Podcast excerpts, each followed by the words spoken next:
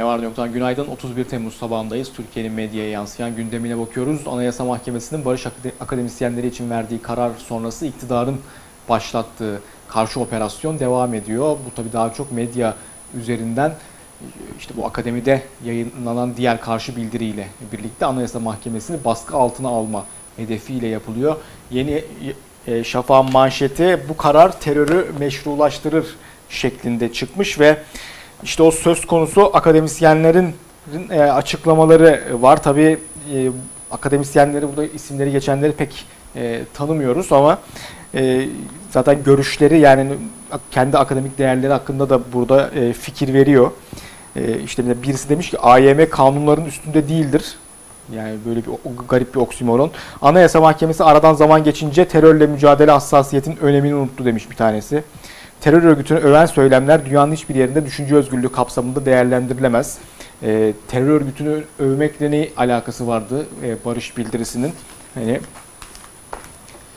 Star'da AYM kararı özgürlük değil teröre destektir e, haberi e, yapılmış. Yine işte İstanbul Medeniyet, Recep Tayyip Erdoğan ve Hasan Kalyoncu üniversitelerinin yayınladıkları bildiri yani üniversitelerin isimleri bile aslında e, çok şey söylüyor. Yani hani bir tanesi Erdoğan zamanında e, zenginliğine zenginlik katmış yandaş iş adamı. Bir tanesi zaten Erdoğan'ın kendisinin ismi. E, Diğeri İstanbul Medeniyet filan. Kararda katılmadığımız sözle ifade özgürlüğüne girer. Anayasa Mahkemesi'nin açıklaması. Anayasa Mahkemesi imzacı akademisyenler için verilen hak ihlali kararına yönelik eleştirileri cevapladı.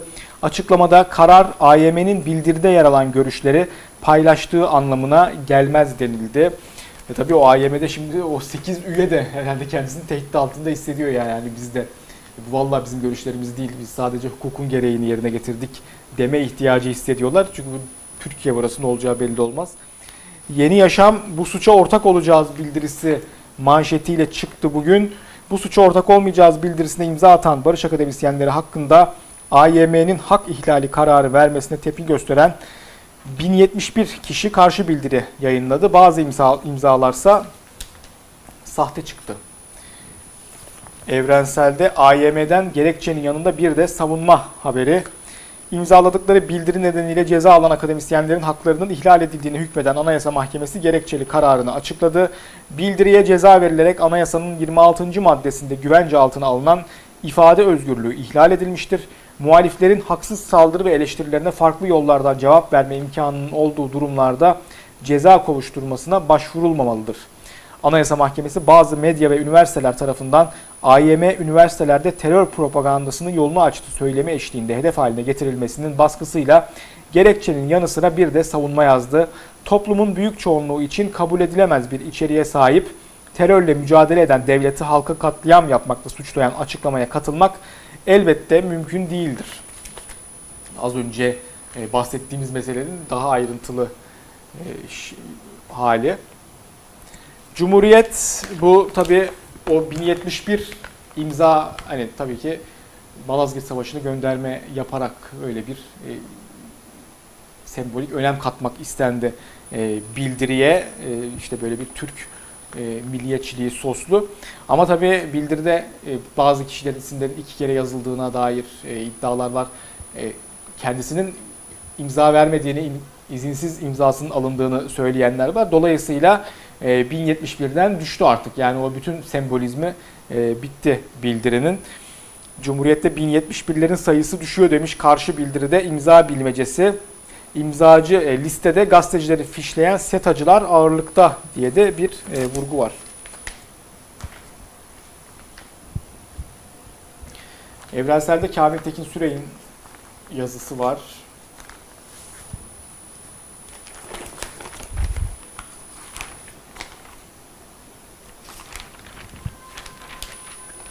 Kontra bildiri ya da iktidar savaşları. AKP MHP cenahından tepkilerin nedeni sanki biraz Babacan Gül hareketinin önünü kesmek için gibi görünüyor. Zaten tepki gösterenler AYM Başkanı'nın Gül tarafından atandığı ve Gül yanlısı olduğu konusuna özel vurgu yapıyor. Belki de Babacan ve Gül ekibi de AYM Başkanı'nın Hürriyet Gazetesi'ne verdiği röportaj AYM töreninde yaptığı konuşma ve son kararla iktidara karşı bir çıkış yapmayı planlıyordu. Mevcut tek adam baskı rejimine karşı hukuk ve özgürlükleri savunduğu iddiasını bu yolla dile getirecekti. AKP-MHP ittifakı atik, atik davrandı, ava gideni avladı. Tabii bütün istihbarat örgütleri emirlerinde Babacan'la Gül'ün atacağı her adımı önceden bilmeleri mümkün.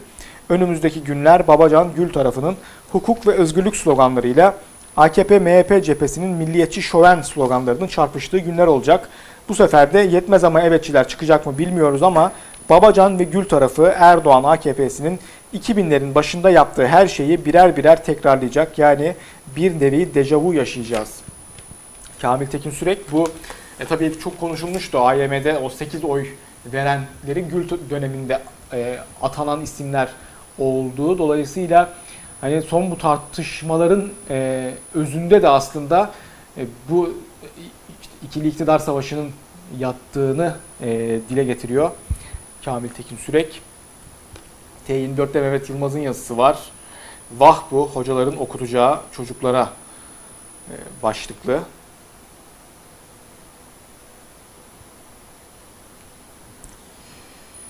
Ona bakalım.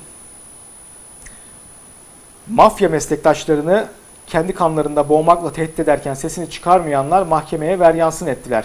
Gerçekten merak ediyorum bu tipler ne istiyorlar?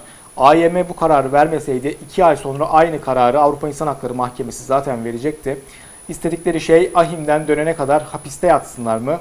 Ya medeni bir insan sırf farklı düşünüyor diye herhangi bir kimsenin hapiste yatmasını, işinden atılmasını filan isteyebilir mi? Ne biçim yaratıklarsınız? Evet bu sondaki soru gerçekten herkesin aklında olan e, soru en başından beri yani bu 1071 e, akademisyen işte bir karşı bildiri yayınladı haberi düştüğünden beri ne biçim yaratıklarsınız sorusu e, aklı başında herkesin aklında. E, Mehmet Yılmaz da e, onu yazmış, iyi etmiş. Dün Milli Güvenlik Kurulu vardı. Orada genellikle yani en çok öne çıkan şey Suriye idi. Fırat'ın doğusuna yönelik e, operasyon olacak mı? Orada bir güvenli bölge e, kurulacak mı? Tartışmalarına dairdi. Ve bugünkü e, hem MGK sonrası yapılan açıklama hem de tabii onun gazetelerin yansımasında da bu güvenli bölge için bir barış koridoru şeklinde bir ifade kullanılıyor. Barış koridoru mutlaka kurulacak Yeni Şafak'taki haber. ABD ile Suriye'de oluşturulması planlanan güvenli bölge için diplomasi trafiği sürerken Türkiye en az 40 kilometre derinliğinde bir bölge için kararlılığını koruyor. Uzmanlar Türkiye için güvenli bölgenin Halep-Musul hattının kuzeyi olduğunu belirtiyor. Ankara'ya gelen ABD'nin Suriye özel temsilcisi Jeffrey güvenli bölge için 6 kilometre teklifi sunmuştu. E, Star'da yani pek çok diğer gazetelerde de işte Suriye sınırında barış koridoru e, diyerek yine yani aslında mesele neyse onun tam tersi şekilde bir e, tanımlamayla Suriye'deki bu hamleler e, gide, e, oluşturulmaya çalışılıyor. E, yani barış koridoru tanımlamasıyla karar MGK masasında 3 kırmızı dosya haberini e, birinci sayfasına taşımış. Milli Güvenlik Kurulu Erdoğan başkanlığında bir araya geldi. Kritik toplantıda ana gündem maddesi terörle mücadele oldu. ABD yaptırımları ve Türkiye'nin Doğu Akdeniz'deki sondaj faaliyetleri değerlendirildi. Pentagon'la temas devam ederken Suriye'nin kuzeyinde oluşturulması planlanan güvenli bölge ve Fırat'ın doğusuna yönelik operasyonda masaya yatırıldı.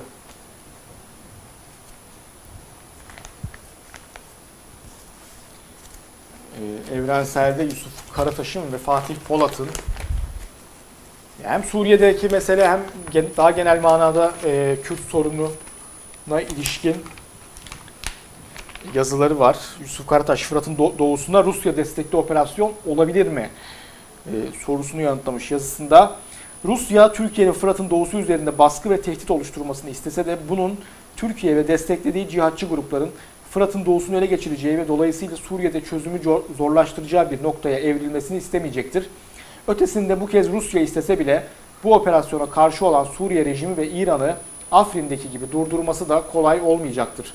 Bugün ülkedeki iktidarın hiçbir sorunu çözemeyeceği ortada olan ve dahası Türkiye'yi emperyalistler arası egemenlik mücadelesi ve bölgesel savaş tehdidinin içine çeken bu politikada neden ısrar ettiği de bilinmez değildir. Çünkü başlayan çözülmeyi durdurmak ve egemenliğini devam ettirebilmek için savaştan başka çıkar yol görmüyor.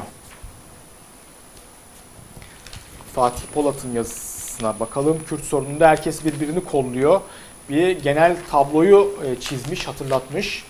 E, Polat bir de e, partilerin tutumları ne yönde onu aktarıyor.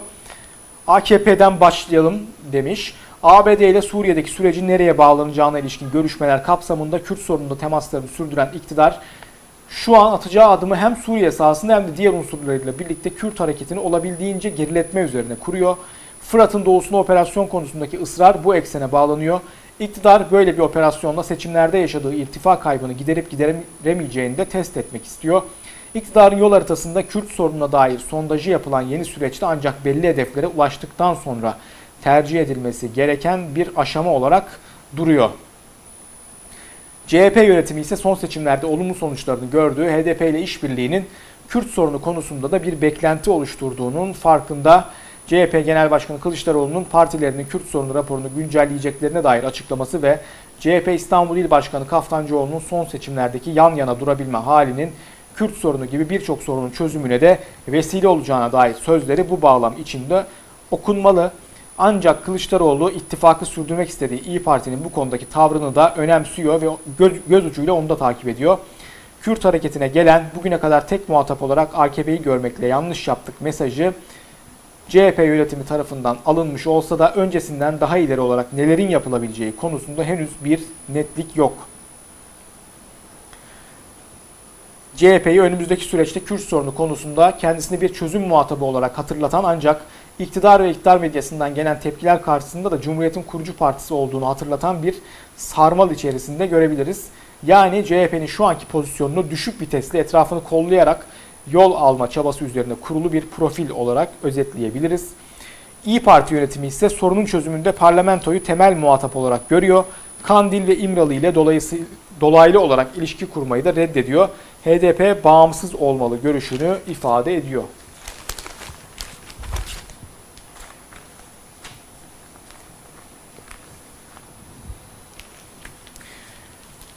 Dün Berat Albayrak da belli başlı açıklamalar yaptı ekonomiye ilişkin. Tabii şimdi faizler düşürüldü ve ondan sonra e, dolarda çok yüksek bir artış olmayınca iktidar bunu e, büyük bir zafer olarak algıladı. E, sabahta işte Albayrak'ın açıklamalarından şu öne çıkarılmış. Türkiye'ye güvenen kazandı. Bir tek herhalde Türkiye vatandaşları, Türkiye emekçileri kazanamadı bu ekonomide. Yani Berat Albayrak ne zaman baksak müthiş mesajlar var. En kötüsü hep geride kaldı zaten. Ee, sabah belli başlı mesajları şöyle aktarıyor. 2019'u hedeflerimizin ötesinde kapatacağız. Enflasyon %15.9'luk hedefin altında kalacak. Banka kredi faizlerinde bu hafta indirim göreceğiz. İşsizlikte en kötü dönem geride kaldı. Bayram tatilinin uzatılmasına olumlu bakmıyorum. Bütçe açığı %3'ün altında gerçekleşir. Cari dengede tahminimizin ötesinde iyileşme oldu. Tabii bol keseden e, mesajları veriyor ama e, özellikle sanayicilerin bu bayram tatiliyle ilgili e, açıklamaları vardı. Yani tatil olmasına karşıyız e, diye. Berat Albayrak da el mahkum onu destekleyen bir e, açıklama e, yapmış. Böylece zaten hani popülarite yüzdesi çok düşmüştü. E, Albayrak'ın halk nezdinde bu açıklamasının da e, tepki çekmesi muhtemel. Yani bu bayram tatili uzatılmasının şeklindeki çıkış. Yeni Şafak e, Albayrak faizde ciddi düşüş olacak ifadesini e, öne çıkarmış. Karar manşette ihtiyat akçesi yola çıktı diyor. Merkez Bankası'nın kasasında tutulan ihtiyat akçesinin örneği görülmeyen şekilde merkezi bütçeye aktarılması gündem haline gelmişti. Acil durum parasının nerede kullanılacağı tartışılırken ilk adres belli oldu. Hazine fonun bir kısmını müteahhitlere borcu olan kamu kurumlarına transfer etti. En büyük pay 2,5 milyar lirayla karayollarına gitti. Evrensel'in de manşeti buradan. Kefen parası müteahhide gitti. Merkez Bankası'ndan alınarak hazineye aktarılan ihtiyat akçesinin müteahhitlere borcu olan bazı kamu kurumu ve kuruluşlarının borçlarının ödenmesi amacıyla kullanıldığı ortaya çıktı.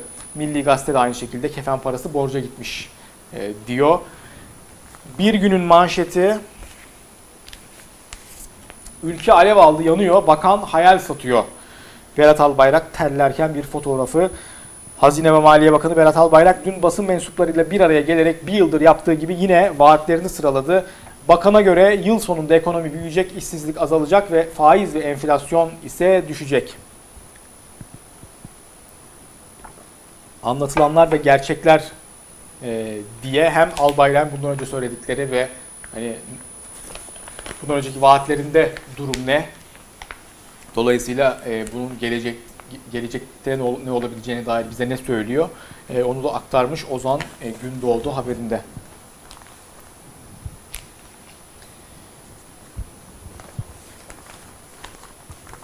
Yeni Yaşam gazetesi gözleri cebimizde haberi yapmış. Patron örgütleri borçlarının devlet tarafından ödenmesini istiyor. Ankara Ticaret Odası Başkanı Gürsel Baran, konkordato ilan eden firmaların borçlarının halkın vergileriyle oluşturulan devlet bütçesinden ödenmesini isteyerek hükümetten adım beklediklerini söyledi. Ee, yanda da dün tüketici e, ekonomi ekonomide güven endeksi rakamları açıklanmıştı. Ve burada da bir %3.3'lük düşüş var. Ekonomiye güven azaldı demiş Yeni Yaşam. Aydınlığın manşeti KYK borcu aileye kaldı. Üniversiteden mezun olduktan sonra iş bulamayanlar Kredi Yurtlar Kurumu borçları altında eziliyor. Erteleme istediklerinde 4 bin lira faiz isteniyor. Borçları ailelerine kalan mezunların talebi ortak. Ya faiz indirimi yapılsın ya borçlar ertelensin ya da tamamen silinsin.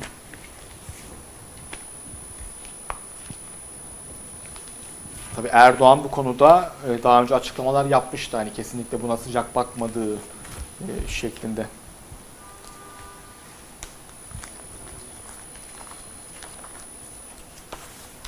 Cumhuriyet'in manşeti 7 maddeye uy.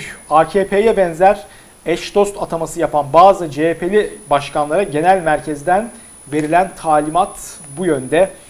İktidar Partisi'nin liyakati esas almadan yaptığı atamalara bazı CHP'li belediyelerin de katılması parti merkezini harekete geçirdi. Kılıçdaroğlu'nun açıkladığı 7 temel ilkeyi anımsatan Genel Başkan Yardımcısı Seyit Torun, belediye başkanı yakınlarının derhal istifa ettirilmesi talimatını verdi.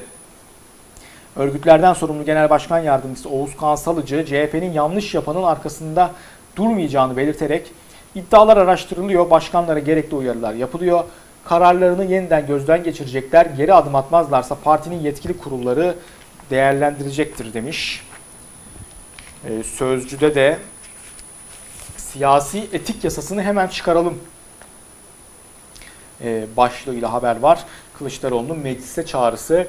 Yazarımız Deniz Zeyrek CHP'li belediyelerdeki eş dost kayırmacılığını Kılıçdaroğlu'na sordu. Aldığı cevap şöyle. CHP'li belediyelerden gelen örnekler etik değil. Bunlar düzeltilir ancak aynı şeyi yapan 50-60 AKP'li belediye başkanı da var. Denetim tek taraflı olmaz. Kul hakkı yemekse herkes için geçerlidir. Meclis Başkanı Şen Top'a çağrımdır. Daha önce bir siyasi etik yasa tasarısı vardı. Geri çekildi. Bizim de siyasi ahlak yasası teklifimiz var. İlk oturumda meclis siyasi ahlak yasasını çıkarsın.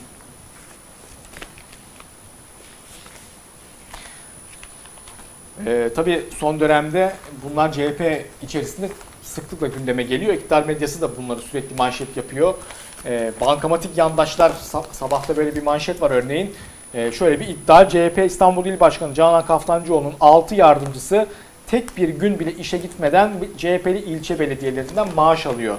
Sabahın iddiası bu yönde. Bakalım Kaftancıoğlu ne diyecek tabii o önemli ama e, AKP içerisinde tabii yani buna benzer çok daha fazla örnek var. Kılıçdaroğlu'nun da belirttiği gibi ama onları hiçbir zaman e, iktidar medyasına yakın gazetelerde göremiyoruz. E, bunlar da AKP'nin akraba atamaları sözcü böyle demiş. Aile Eski Bakanı Fatma Betül Kaya Saya'nın 3 kardeşinden biri büyükelçi, biri İBB meclis üyesi, diğeri başkan yardımcısı yapıldı. AKP'li Ravza Kavakçı'nın kardeşi Merve Büyükelçiliği atandı. Emrullah İşler'in ağabeyi de devlet arşivlerine yönetici oldu demiş sözcü.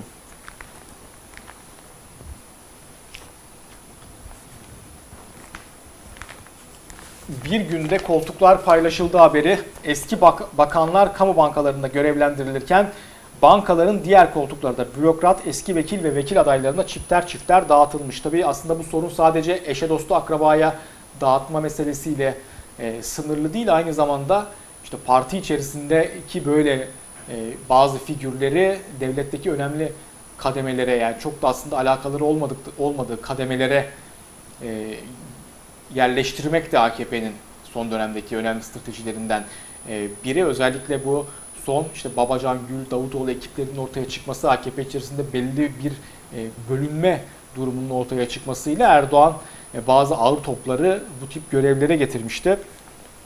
Meselenin bir de bu boyutu da var. Yani bu liyakat sorunu sadece koltuklara akrabaları atamakla alakalı değil. Eski Bakan Aksu ile eski TBMM Başkan Vekili Yakut ve eski İBB Başkanı Uysal'ın tepki çeken görevlendirmelerinin yapıldığı kamu bankaları ile bağlı şirketlerinde yönetim kurulu üyelikleri de iktidar içinde tek tek paylaştırıldı. Halk, ziraat, vakıflar, emlak bankaları ile eksik, Eksim Bank'ın yönetim kurullarına bakan ve vekiller dışında bürokratlar ve vekil adayları da yerleştirildi. Bazı isimler birkaç kurumda birden yönetim kurulu üyeliği görevini üstlendi. Kamu bankalarında yönetim kurullarında olan bazı isimleri de aktarmış haberinde e, bir gün ve Nurcan Gökdemir'in haberi. Top, e, toplu sözleşme görüşmeleri öncesi KESK Ankara'ya yürüyor. Türkiye'nin e, dört bir yanından yürüyüş başladı. Evrenselde güvenceli istihdam, güvenceli gelecek haberi var. Keskin toplu sözleşme taleplerini duyurmak için dört koldan başlattığı Ankara yürüyüşü sürüyor. İllerde kamu emekçileriyle bir araya gelen KESK'liler güvenceli istihdam ve güvenceli gelecek, demokratik, adil bir çalışma yaşamı, insanca yaşamaya yetecek bir ücret talep ediyor. Yeni Yaşam'da da e, KESK eş başkanı Aysun Gezen'in açıklaması var. Gücümüze güvenelim. İktidarın ve yetkilendirilmiş yandaş konfederasyona değil, kendi gücümüze ve mücadelemize güvenelim demiş Gezen.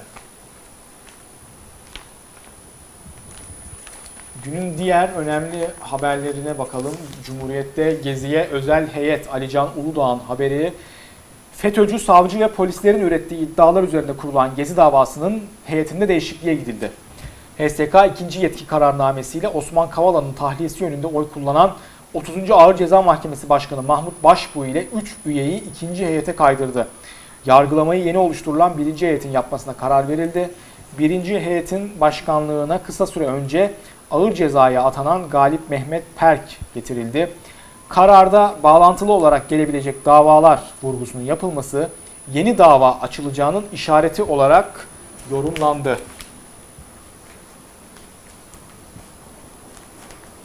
Evrenselde kentin su borusu termiye bağlandı haberi Özel Akdemir'in.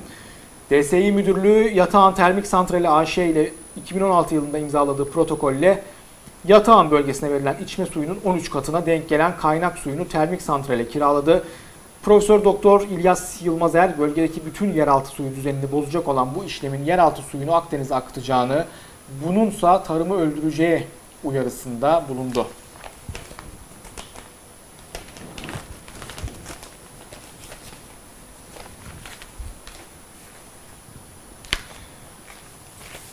Son olarak dün e, Vedat Milor adada, e, Burgaz Adada'ydı galiba, e, işte restoranların masalarını sahile kadar e, çıkardığını ve oradan geçmenin çok zor olmasının önemli bir problem teşkil ettiğini, dün de bu olayla alakalı üzücü bir hadisenin başına geldiğini, işte e, oradaki restoran görevlisini uyardığını, bunun karşılığında hakarete uğradığını ve denize doğru itildiğini, neredeyse düşeceğini e, söylemişti. Karar sokakta masa terörü e, sür manşetini atmış bu meseleyle bu meseleye ilişkin.